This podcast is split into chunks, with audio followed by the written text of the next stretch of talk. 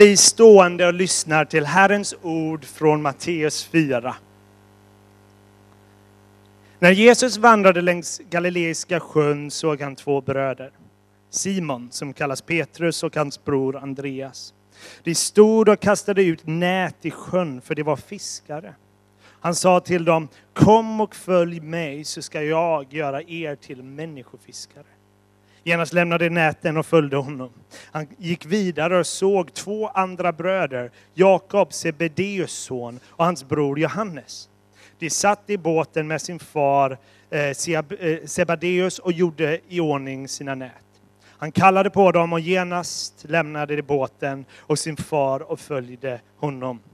Jesus vandrade omkring hela Galileen och han undervisade i deras synagogor, förkunnade evangeliet om riket och botade alla slags sjukdomar och krämpor bland folket. Så lyder det heliga evangeliet. Lovad vare du, Kristus.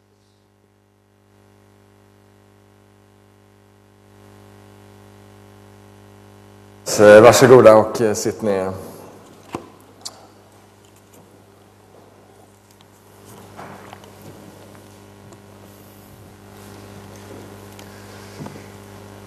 Var en glädjefylld syndabekännelse. Det var ju härligt, det är ju precis som det ska vara. Att lämna gammal skit bakom sig och eh, ta emot Guds förlåtelse och inse att vi kallar att leva det nya livet och följa Kristus är någonting glädjefyllt. Så jag tycker det var väldigt, eh, väldigt bra Joel. Härligt. Gott att du är här den här söndagen. Och, eh, eh, en ära för mig att få inleda den här terminen med att predika Guds ord för att vi går en spännande termin till mötes och att Gud har så mycket gott för oss. Herre, jag ber att du ska hålla mig i ditt grepp när jag ska förkunna ditt ord. Jag ber att det budskap som ska gå ut inte ska vara människotankar utan dina tankar. Att ditt ord ska få gå in i våra liv och framverka din vilja. Tack att ditt ord träffar våra hjärtan till frälsning, helande, upprättelse, förnyelse. Tack att du kallar oss att följa dig och du sänder oss ut att tjäna dig. Amen.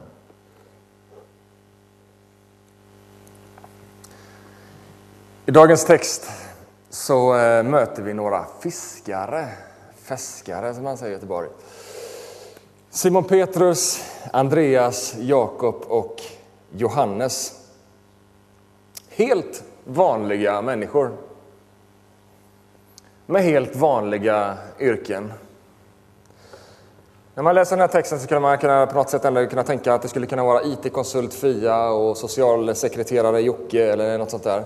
Alltså, det var helt vanliga, ganska lite halvvälbärgade medelklasskillar som vi möter i dagens text. Som står mitt uppe i sitt arbete. Fiskare. När jag har läst den här texten tidigare så har jag ofta tänkt fiskare, men det är något sånt här liksom lite så här på den tiden ett bottenyrke, det är inget yrke man vill hålla på med. Men när jag studerat den här texten så har jag insett att så var inte alls fallet. Att vara fiskare i den här regionen var inte alls långt ner på samhällsskalan utan det var ett ganska bra medelklassjobb, kanske till och med lite över snittet.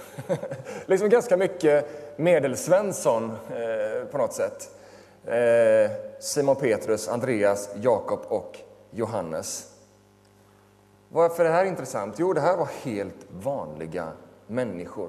Petrus, Andreas, Jakob och Johannes är personer som du och jag kan identifiera oss med. Det är liksom inte en helt annan kategori av människor som vi liksom har svårt att, att känna oss igen med. Nej, de personer vi möter i den här texten är människor som, som på något sätt är som du och jag. Man trivs rätt okej okay med jobbet. Man har ett rätt okej okay liv. Man har liksom vänner och familj och har det rätt ordnat omkring sig. De hade liksom inte ett miserabelt liv och bara gick och väntade på att kan bara någonting hända. Nej, att vara fiskare på den här tiden var ganska bra. Man hade, man hade bra, man förstår texten, liksom, att de hade familj och de hade det rätt så gott. Så det var inte så att de gick och väntade att någon skulle komma och rädda dem från deras liksom, tillvaro, från fiskeriet. Så på något sätt tror jag att det här mötet med Jesus som vi läser om i dagens text var nog lika chockartat för dem själva som för deras familj och vänner. Liksom, för att det här kommer att få ganska drastiska konsekvenser i deras liv. De levde ett bra liv, men allting skakades om. Det blev en förändring i deras tillvaro. De lämnade ett gott liv för att följa Jesus. Det gör det hela lite mer utmanande. Att lämna ett kassliv, ja men det vill man göra. Men de mötte någonting så att de var beredda att lämna ett gott liv för att följa Jesus. Att möta Jesus är en livsomvälvande och livsförändrande upplevelse.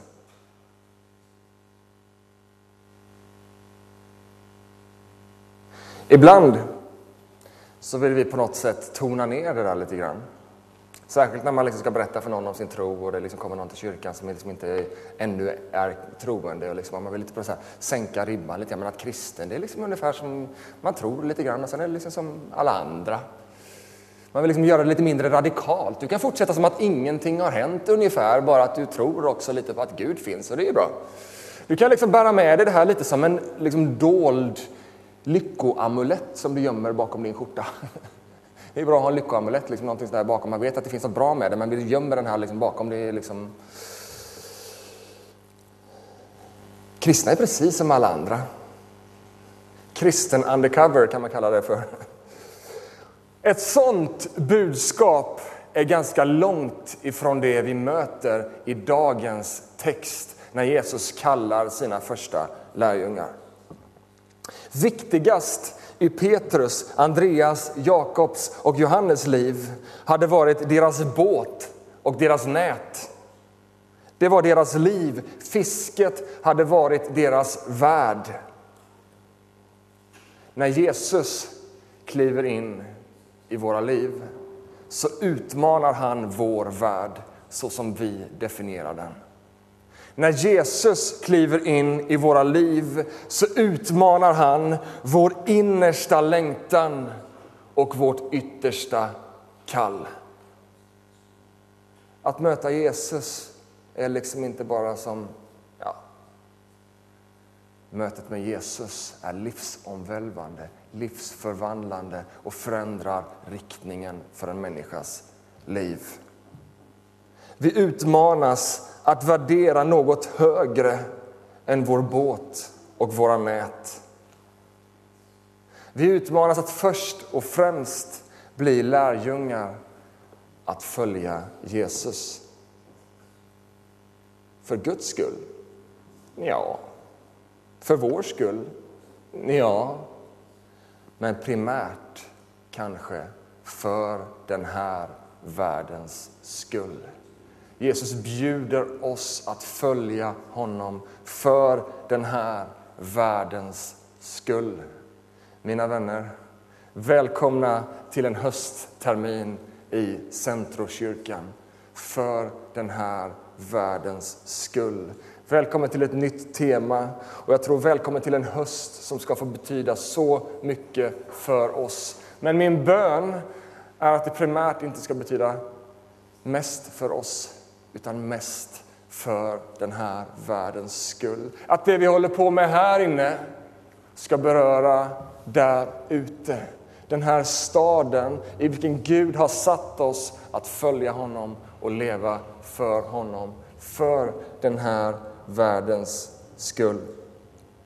Vi har i vår visionsformulering, och vår visionsformulering är inte jättelång så att eh, du skulle kunna lära dig den. Den står när du går in på vår hemsida.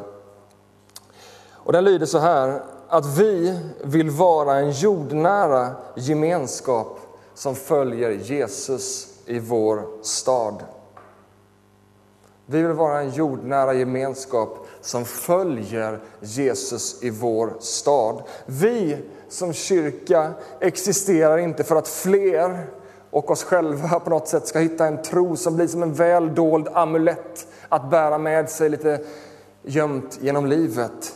Vi som kyrka existerar för att vi vill ta Jesu kallelse på allvar. Att följa honom ut i den stad där vi befinner oss och självklart också ut i vår värld så som Herren leder oss. Och det är här som vi vill starta den här terminen, den här höstterminen och på olika sätt under tre söndagar sätta vårt fokus på vår kallelse och vårt uppdrag. Inte på det här krystade sättet, man kan prata om det uppdrag på ett krystat sätt. Gå därför ut i hela världen och så liksom bara, äh. Och det är sant. Men det kan bli som en sån här, bara, ah, det blir ingen skillnad. Det liksom berör mig inte. Nej, inte på ett sånt sätt vill vi inte sätta fokus de här tre söndagarna, utan på ett sätt där liksom Gud berör vid vårt innersta. Så att vi får en gudafödd längtan att ordet och anden ska tända en eld i vår kyrka och i våra liv för den här världens skull. Jag har två enkla punkter i min predikan idag, förutom introduktionen och avslutningen. Däremellan finns två punkter. Vi har just nu gått igenom introduktionen. Den första punkten är kallad, är kallad. Den första punkten är Vi är kallade och den andra punkten är Vi är kallade och sända. Enkelt va? Hela sammanhanget i dagens bibeltext är på något sätt, tycker jag i alla fall när jag läser den, slående alldagligt och vardagligt. Jesus tar en promenad längs stranden och i texten så är det nästan som att det liksom känns nästan slumpartat. Det står liksom bara, ja, en dag tog Jesus en promenad längs med stranden. Och där står några grabbar, Simon Petrus och Andreas, och kastar ut sina fiskenät i sjön. En helt normal dag för de här personerna. Det vi också förstår utifrån Lukas evangeliet är att de var troligtvis rätt besvikna, för de har fiskat hela natten och inte fått någonting. Så de fortsätter lite in på morgontimmarna och fortsätter med att fiska. Och I själva texten, i språket, så används så använder evangelieförfattarna, och här också då Matteus, berättar liksom det som händer på ett vardagligt, alldagligt sätt så att vi kan identifiera oss. Så när Jesus kallar de här personerna så framgår det inte här i texten att det är som Jesus skulle kalla några speciella utvalda apostlar. Utan i den här texten så är det hur Jesus kallar lärjungar, alltså hur Jesus kallar vanliga människor att följa honom. Han kallar lärjungar. Matteus nämner ingenting här i texten om att det är apostlar, utan det är en kallelse av lärjungar, efterföljare. Och att vara en kristen är ju att följa Jesus, att vara en efterföljare. Och vi ser i Matteus evangeliets sista kapitel, i missionsbefallningen som jag nyss citerade lite raljerande. Då står det att vi ska gå ut i hela världen och göra alla folk till lärjungar. Så att vara lärjungar är någonting som vi alla kallas till att vara. Och vad är då en lärjunge? Ja, enkelt och kort och gott så är en lärjunge någon som följer en mästare. Och på Jesu tid var det här med lärjungaskap väldigt vanligt i det judiska samhället och det judiska religiösa systemet. Och om man blev av en rabbin, alltså av en religiös ledare, kallad att följa eller kallad att bli en lärjunge, så var det så att man lämnade allt för att följa sin mästare. Man lämnade sitt familjeyrke, man lämnade sitt sammanhang för att följa sin mästare. För att bli lik sin mästare och för att föra sin mästares uppdrag och budskap vidare till nästa generation. När vi möter Jesus, när vi tar emot syndernas förlåtelse och det eviga livet, då får vi inte en lyckoamulett att gömma. Att bli kristen, att ta emot Jesus, det är en kallelse till ett helt nytt liv. Ett liv i Jesu efterföljd. En kallelse att värdera någonting annat högre än båten och nätet. Vad det nu betyder i ditt och mitt liv. Självklart olika för oss var och en. Vad är det vi håller kärt? Vad är det vi har byggt vårt liv kring? Vad är det som det yttersta i våra liv som vi håller fast vid? Vi kallas att värdera någonting högre än detta. Att först och främst inte vara lärare eller lärarinna.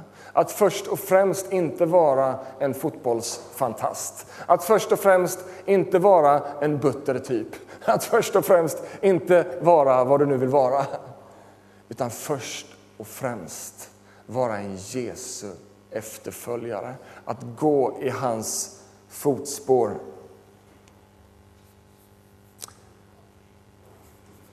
När Jesus kallar oss så är det som vi redan har sagt en kallelse som utmanar vår innersta längtan och vårt yttersta kall.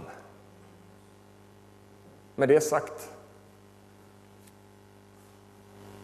så vet jag inte, det blir rätt svårt att ha Jesus som en liten lyckoamulett eller en bonus, ha den kristna tron som någonting liksom lite vid sidan av. Jesus, han begär hela våra hjärtan, hela våra liv.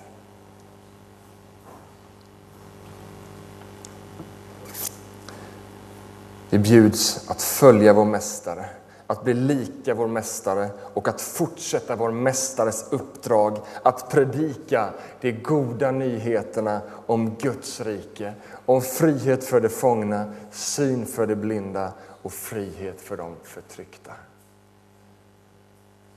Det är vårt liv. Du kanske kom hit idag och tänkte att det fanns något annat som var viktigast i ditt liv.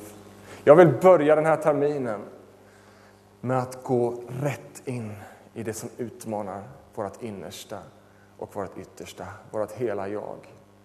Kanske den här terminen kan få oss att låta tron gå än djupare i våra liv, betyda än mer för oss. Inte som ett självrättfärdighetsprojekt där vi försöker liksom själva, men där vi bjuder in Gud in i vårt innersta, att bli centrum av vilka vi är.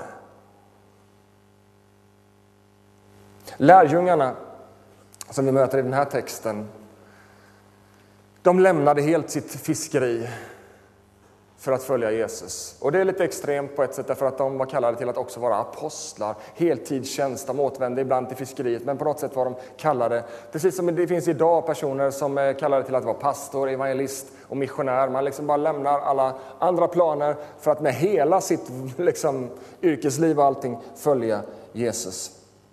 Och poängen, vad jag vill säga med det här, är liksom inte att vi alla behöver lämna hela de liv, de yrken och de sammanhang vi lever i.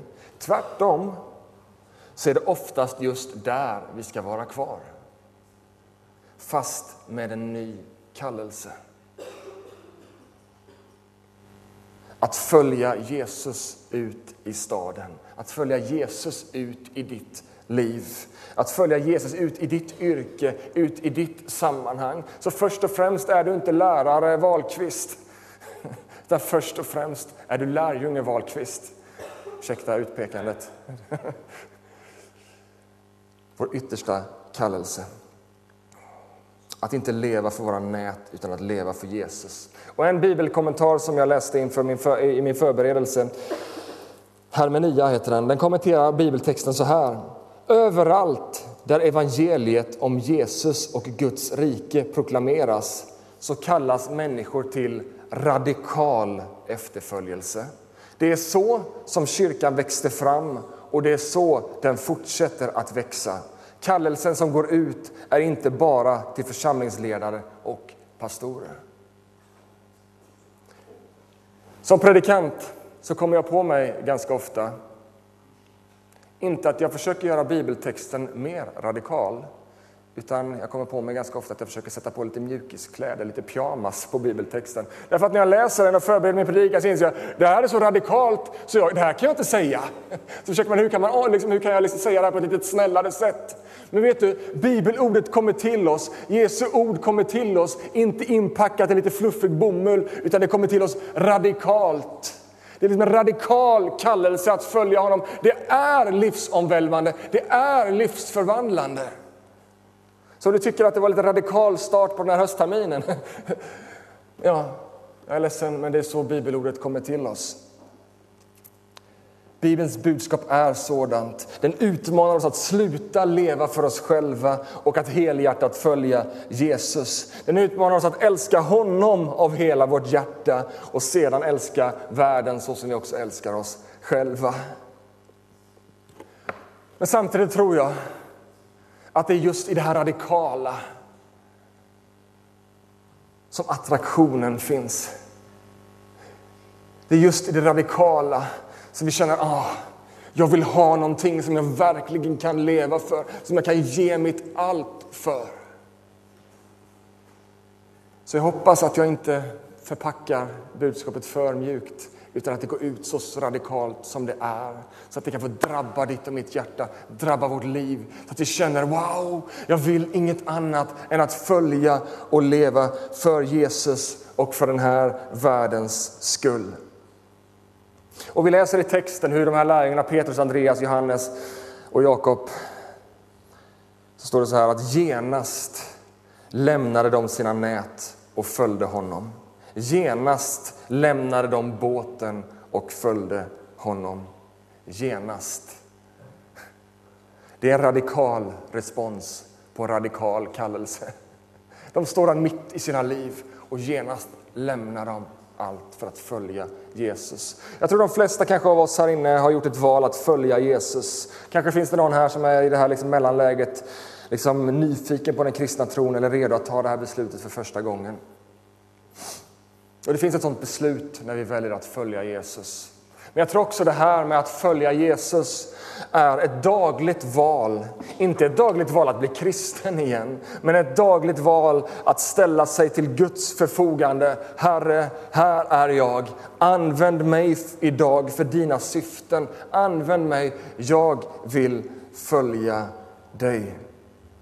Vi är kallade och vi är kallade och sända. Jesus sa till dem, kom och följ mig och jag skall göra er till människofiskare. Vi har talat om här att följa, följa Jesus, den kallelse att leva i Jesu närhet, den kallelse att bli lik Jesus. Och det fanns jag tycker, ett ganska härligt rabbinskt uttryck som, eh, som rabbinerna använde på Jesu tid när de kallade en lärjunge och då så sa man så här när någon hade liksom tackat ja till att följa lärjungen, eller följa mästaren, så sa man så här. May you be covered in the dust of your rabbi, som det heter på hebreiska. Må, må du bli täckt eh, av eh, mästarens damm. Det är en härlig liksom, ja, jag ska följa dig. Ja, må du bli täckt av mitt damm. Vad är det det handlar om? Jo, det handlar om att vi ska vandra så nära vår Mästare så att vi täcks av dammet från hans sandaler. Att följa Jesus är inget vi gör lite på avstånd, utan vi kallas att leva så nära så att vi allt mer blir täckta av honom, allt mer blir lika honom. Och när jag tänker på det så kan jag inte låta mig bli att ställa frågan, vad är det för damm, Jakob, som jag täcks med? Vad är det som jag vandrar så nära så att jag blir lik vem är det jag följer? Varje dag är en ny möjlighet att följa Jesus. I Jesu kallelse i den här texten så finns det också ett sändande. Kom och följ mig och jag ska göra er till människofiskare. Jesus använder en ordlek utifrån lärjungarnas yrke, fiskare, människofiskare. Och som alla bilder så kan man inte dra den här för långt. Det är inte så liksom att det är ett lockbete som lurar fisken och sen så är det liksom... Nej, utan vad Jesus kort och gott menar, han liksom bara använder liksom den vardagliga situationen de befinner sig i för att liksom kalla de här lärjungarna att ni ska inte längre bara samla fisk utan ni ska samla människor för mitt namns skull. Människor som vill följa mig. Att följa Jesus, vi kallas att följa Jesus och så som han, alltså Jesus, är sänd till den här världen så är också vi sända till den här världen att vittna om honom, att vara människofiskare, kallade att följa och sända att vittna om honom, att vara människofiskare. Och det här är kyrkan i ett nötskal. Vi kallas att följa Jesus. Vi sänds ut att vittna för andra och berätta för dem att ni kan också följa Jesus. Så att de i sin tur kan gå ut och kalla andra och bjuda in andra att följa Jesus så att de kan bli sända.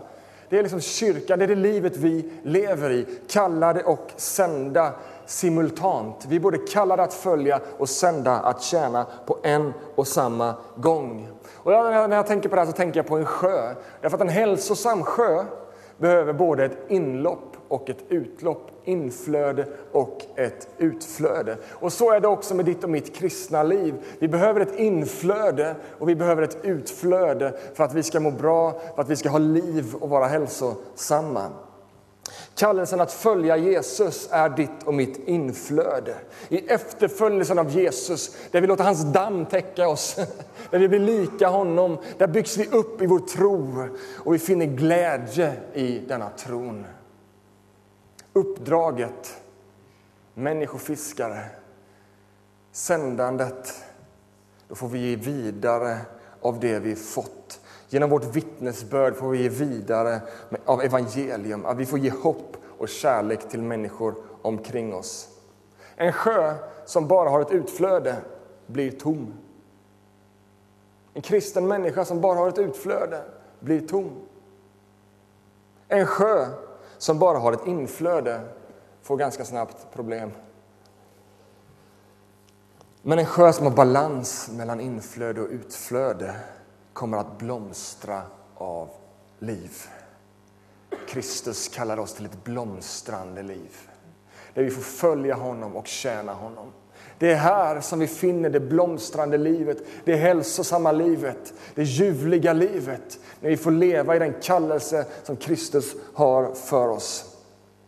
När vi inser att vi både är kallade att följa och sända att tjäna. Och det här kristna livet som du och jag lever har rytmen av både inflöde och utflöde.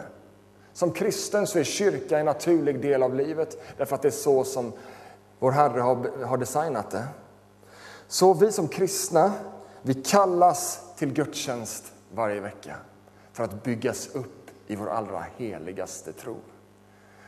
Och I slutet av varje gudstjänst så sänds vi ut att följa Jesus och tjäna Jesus.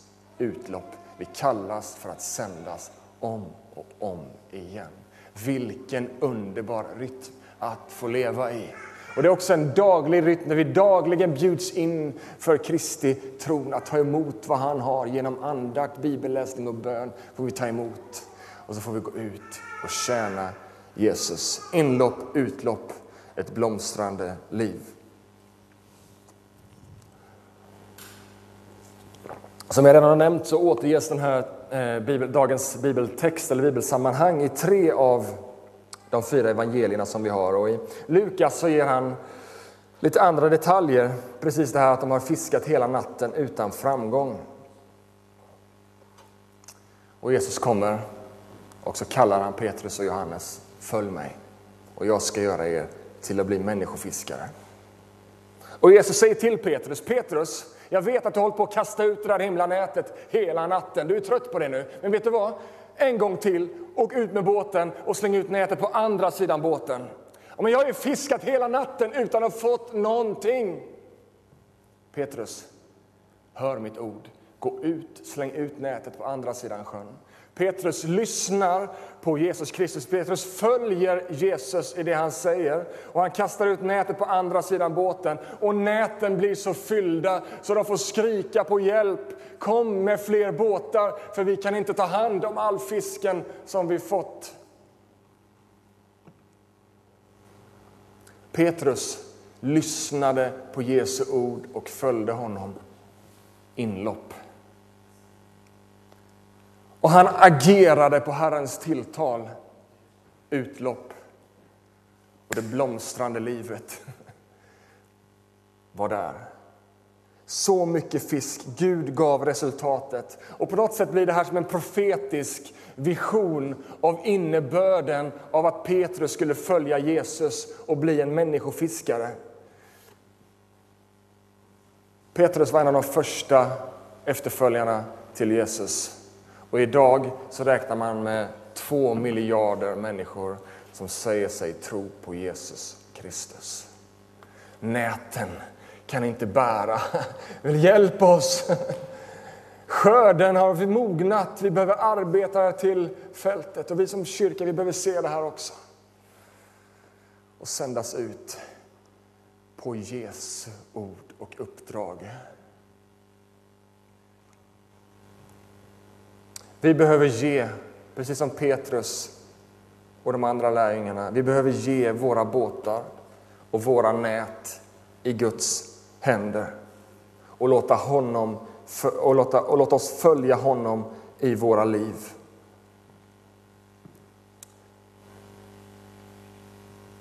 Gud sa inte till Petrus, eller Jesus sa inte till Petrus liksom att eh, gå iväg och eh,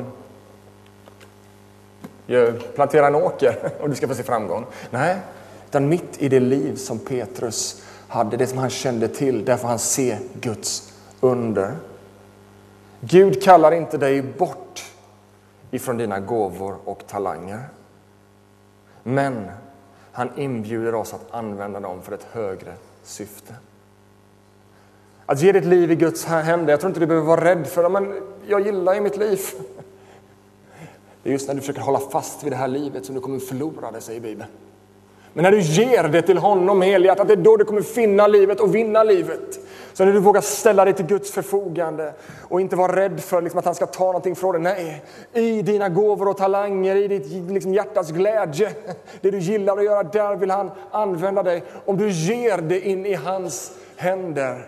Herre, här är jag, bruka mig. Det finns en poet, författare och teolog som heter Frederick Buchner. Han har skrivit i en av sina böcker så här. The place where God calls you is where your deep gladness meets the world's deep hunger. Det här är vackra ord. Den plats där Gud kallar dig, det är den plats där din djupa glädje möter världens djupa behov. Gud kallar dig att göra det som din hjärtas fröjdas över, att göra det till hans ära och för honom. Där du har din glädje, där vill Gud använda dig. Dit är du sänd. Att följa Jesus och dela goda nyheter.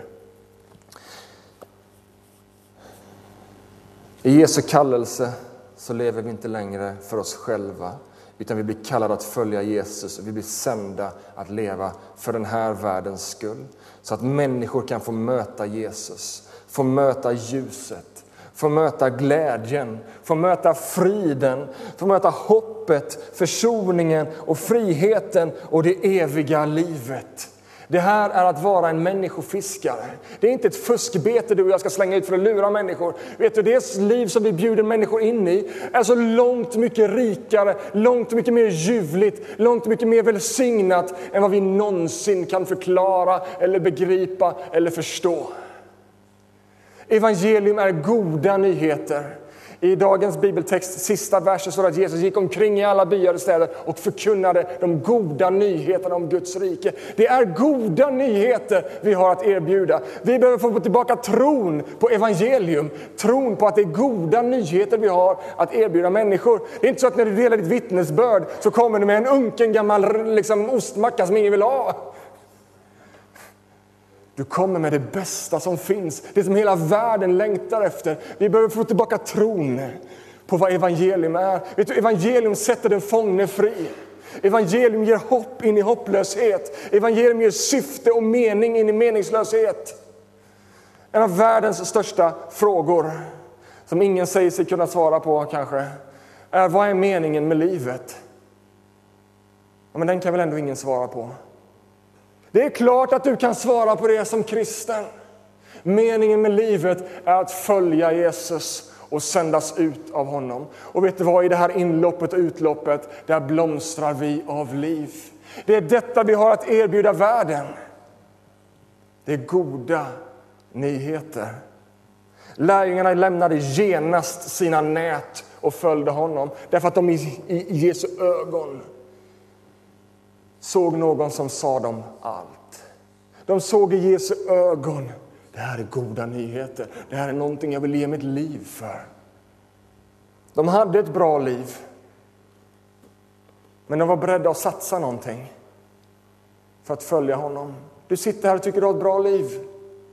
Du kanske behöver ge upp det du tror är det goda livet för att följa Jesus och verkligen finna livet. Det är den radikala kallelsen ifrån Guds ord.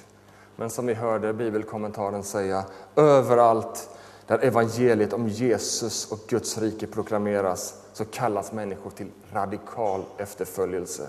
Det är så som kyrkan växte fram och det är så som den fortsätter att växa. När du och jag följer Jesus ut i vår stad, till våra arbetsplatser och skolor, till våra kontaktytor, till våra hem, till våra vänner, till våra grannar och till dem vi ännu inte känner. Där vill han uppenbara sig och han vill använda dig och mig. Amen. Herre, jag tackar dig för ditt ord, Herre. Jag ber att ditt ord ska bära rik frukt i våra liv, Herre. Jag ber att ditt ord ska få vara som den här kallelsen som kanske för första gången, eller andra eller hundratusende gången kallar oss att följa dig. Men också sänder oss ut att tjäna dig. Och jag ber att det ska få bli med glädje som vi följer dig. En inre drivkraft att tjäna dig. Amen.